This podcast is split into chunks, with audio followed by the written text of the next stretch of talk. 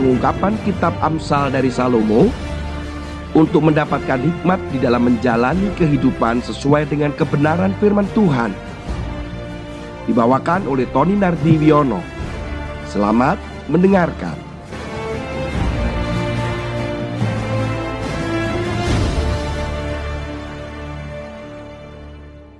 Shalom Bapak Ibu sekalian, kita sekarang masuk di dalam pembacaan firman Tuhan kita pada Amsal pasal yang ke-10 ayat yang ke-5. Demikian firman Tuhan. Siapa mengumpulkan pada musim panas, ia berakal budi. Siapa tidur pada waktu panen, membuat malu. Saudara, firman Tuhan ini Sebenarnya konteksnya adalah bagaimana berkat itu bisa didapatkan. Salah satunya dengan bekerja keras. Artinya jangan sampai salah dalam waktu. Saudara sekalian, tetapi ketika saya merekam dan menyiapkan ayat ini, Tuhan mengingatkan saya tentang tuayan.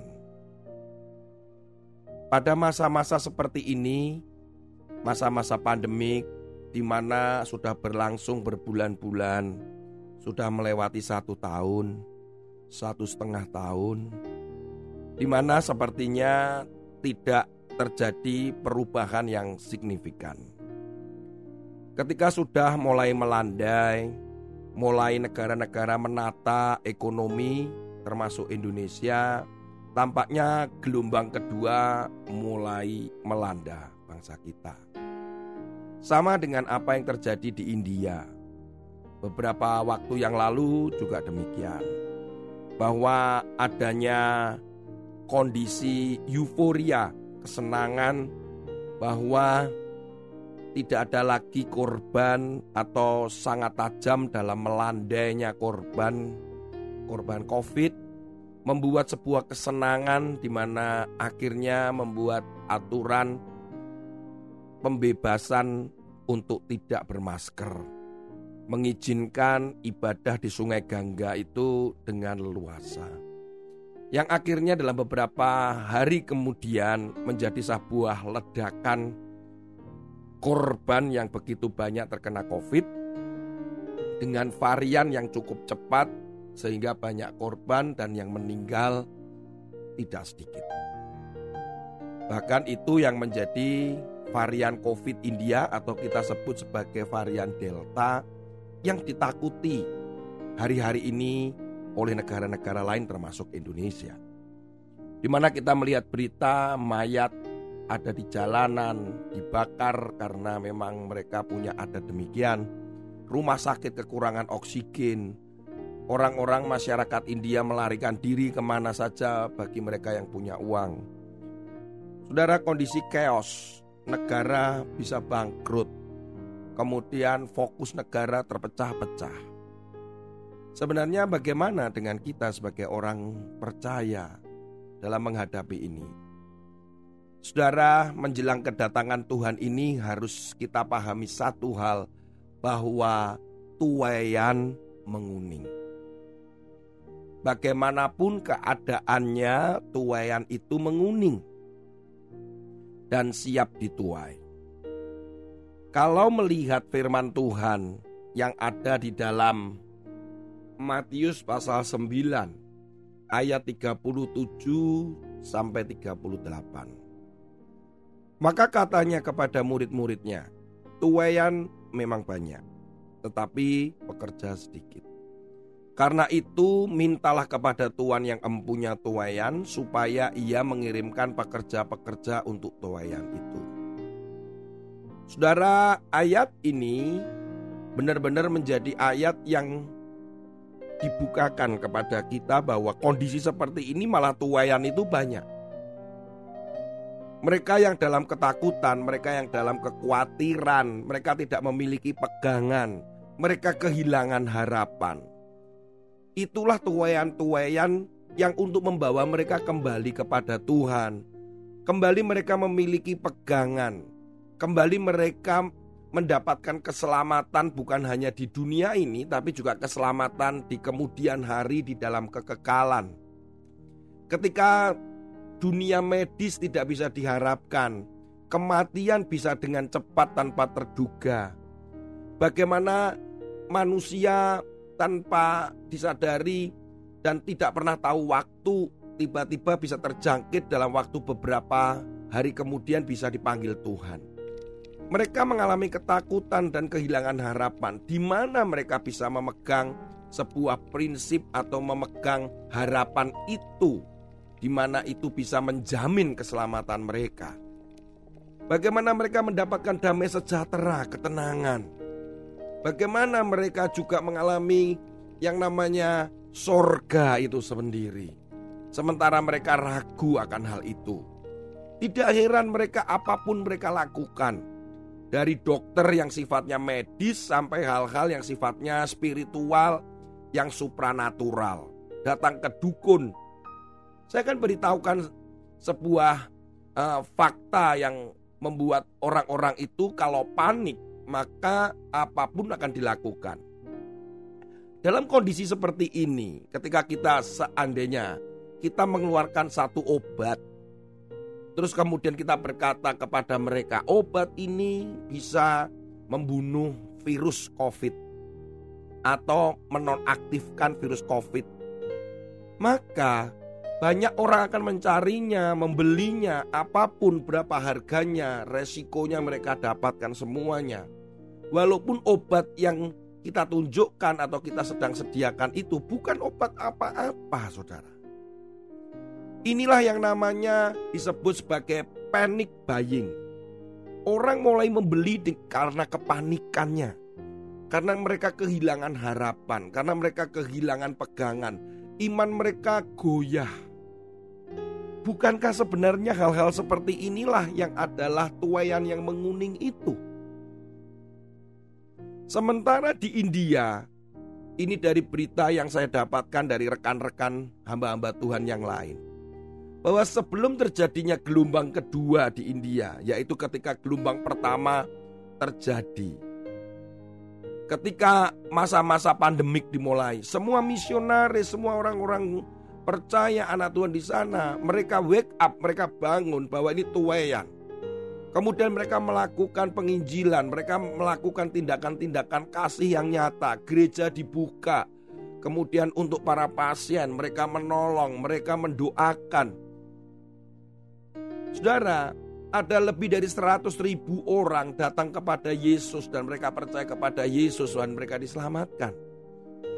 Bahkan mereka juga mengalami resiko mereka ditekan, mereka diusir, mereka kemudian mengalami persekusi karena memang keyakinan di India sana uh, sangat kuat dan sangat radikal membuat orang-orang yang baru saja percaya Yesus mengalami sebuah tekanan demi tekanan. Lebih dari 100 ribu orang diselamatkan, ada jiwa-jiwa baru. Bukankah itu tuayan? Kemudian terjadilah gelombang yang kedua. Ini menjadi sebuah tantangan lagi, saudara. Saudara, kekasih di dalam Tuhan, ketika masa-masa musim panas seperti ini, ketika masa-masa panen seperti ini, kita tidak bisa tinggal diam, saudara.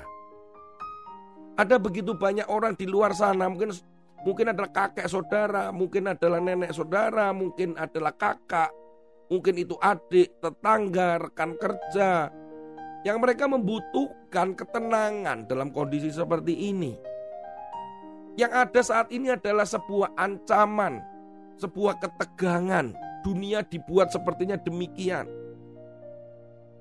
Mereka yang sudah percaya pun bisa goyah. Itu perlu dikuatkan, saudara, untuk mereka kembali kepada Tuhan. Kita tidak bisa tinggal diam Hari-hari seperti ini, rekan saya yang ada di luar pulau pun dia mengatakan bagaimana banyaknya orang yang haus akan Tuhan. Mereka yang sudah lama meninggalkan Tuhan, mereka datang berduyun-duyun, mereka mau datang dan mencari Tuhan. Karena mereka tidak tahu kapan mereka akan pulang, mereka akan mati. Bahkan mereka juga sepertinya tidak bisa melihat masa depan. Karena semuanya serba tidak jelas, tidak ada pijakan. Tapi ketika mereka dipulihkan, semuanya berubah. Mereka menjadi lebih hidup dengan kepercayaan iman. Mereka punya pegangan, bahkan mereka mulai penuh dengan damai sejahtera. Mereka suka cita, mereka membagikan kepada yang lain juga hal itu. Saudara, ini bukan waktunya untuk tidur. Memalukan sekali ketika kita orang percaya yang kita katanya adalah pengikut Kristus, yang kita ada katanya alat Tuhan, kemudian pada masa panen seperti ini kita tidur. Firman Tuhan jelas katakan tadi bahwa apa? Yang waktu panen itu tidur itu adalah memalukan sekali. Ketika musim panas ini adalah waktunya bekerja, ini adalah musim-musim itu saudara. Saudara terlalu nyamankah? Kemudian hanya dengan ibadah online duduk. Saudara terlalu nyamankah hanya sekedar di rumah kemudian tidak melakukan apa-apa dengan alasan bahwa ini adalah perintah dari pemerintah, aturan work from home. Karena ini protokol kesehatan, itu benar, tetapi ketika dikondisikan seperti itu dengan aturan seperti itu tapi membuat saudara dan saya akhirnya tidak melakukan apa-apa yang ada adalah kemalasan dan itu memalukan sekali.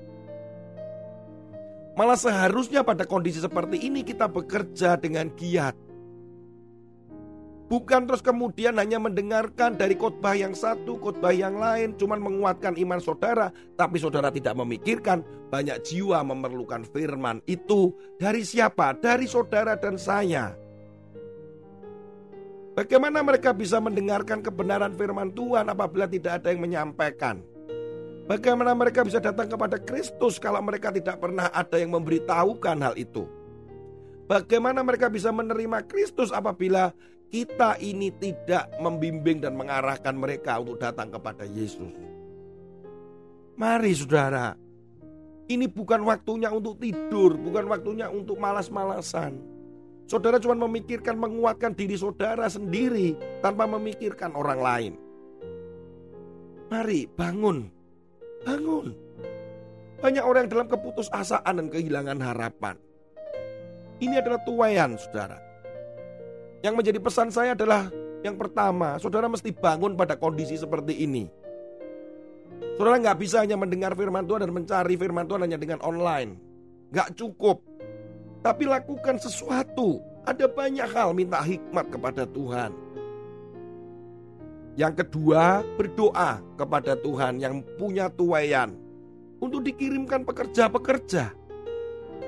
Supaya ada pekerja-pekerja yang punya hati yang sama Hari ini saya menyampaikan hal ini. Ini adalah bentuk bahwa saya juga berdoa kepada Tuhan untuk mencari pekerja, yaitu saudara dan saya. Saudara yang tidur, saya yang tidur, itu dibangunkan karena saudara dan saya adalah pekerja itu. Yang ketiga adalah kita bergandengan tangan, memuridkan, bekerja dengan gereja lain, dengan aliran yang lain Bukan terus kemudian hanya menggelembungkan saja orang-orang yang hanya kelompok saudara. Tetapi ini waktunya kita berjejaring bergandengan tangan. Saya akan bukakan firman Tuhan lanjutan dari Matius tadi yang sering kali terpotong hanya karena perikop. Ketika Yesus berkata kepada muridnya, tuayan banyak tetapi pekerja sedikit. Karena itu mintalah kepada Tuhan yang empunya tuayan supaya ia mengirimkan pekerja-pekerja untuk tuayan itu. Itu kan sebenarnya sulit sekali saudara, faktanya demikian. Kita mencari uh, Tuhan, kita berdoa kemudian kita mencari pekerja sulitnya luar biasa, banyak alasan. Tetapi ayat itu diteruskan pada pasal yang ke-10. Kita akan lihat bahwa Matius pasal yang ke-10 ayat yang pertama.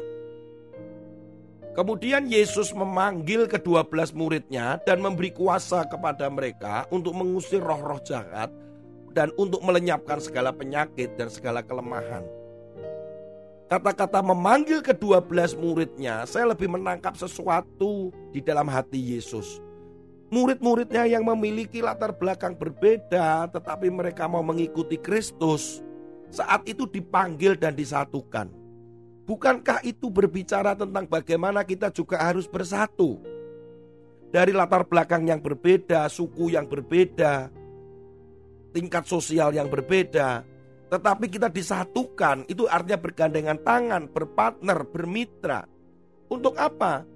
Karena kita akan diberikan kuasa, dijadikan murid oleh Yesus. Kita diberikan kuasa untuk mengusir roh jahat, melenyapkan segala penyakit dan segala kelemahan. Ini berbicara sesuatu yang keluar, melakukan sesuatu. Saudara, secara teknisnya saudara bisa berdoa, mendoakan orang, menguatkan orang ketika ketemu dengan orang di rumah sakit, ketika ketemu di mana saudara sampaikan tentang firman Tuhan, sampaikan tentang kekuatan, tentang harapan itu. Ketika saudara bisa melakukan texting, kemudian melalui WhatsApp, lewat online, saudara bisa lakukan itu juga. Ketika saudara juga bisa melakukan lewat telepon secara pribadi, atau saudara membuat konten-konten digital, ketika saudara akan melakukan dengan kreatif rekaman-rekaman video, apa pun saudara bisa lakukan hari-hari ini.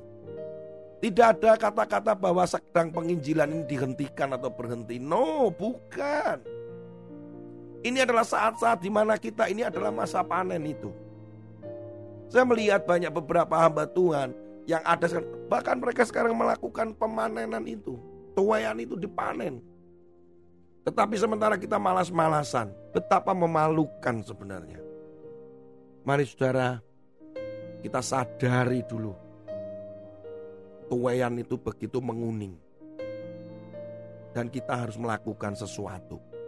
Yang kedua, doa untuk minta pekerja. Yang ketiga, kita lakukan dengan bergandengan tangan bermitra satu dengan yang lain menjadi murid Yesus dan diberi kuasa oleh Yesus. Tidak ada waktu untuk bermalas-malasan. Memalukan sekali ketika kita cuma duduk, mendengar, melihat, duduk, mendengar, melihat tanpa kita melakukan sesuatu. Tuhan Yesus memberkati saudara saya berdoa supaya ini menyadarkan kita semua. Haleluya. Amin. Tiap hari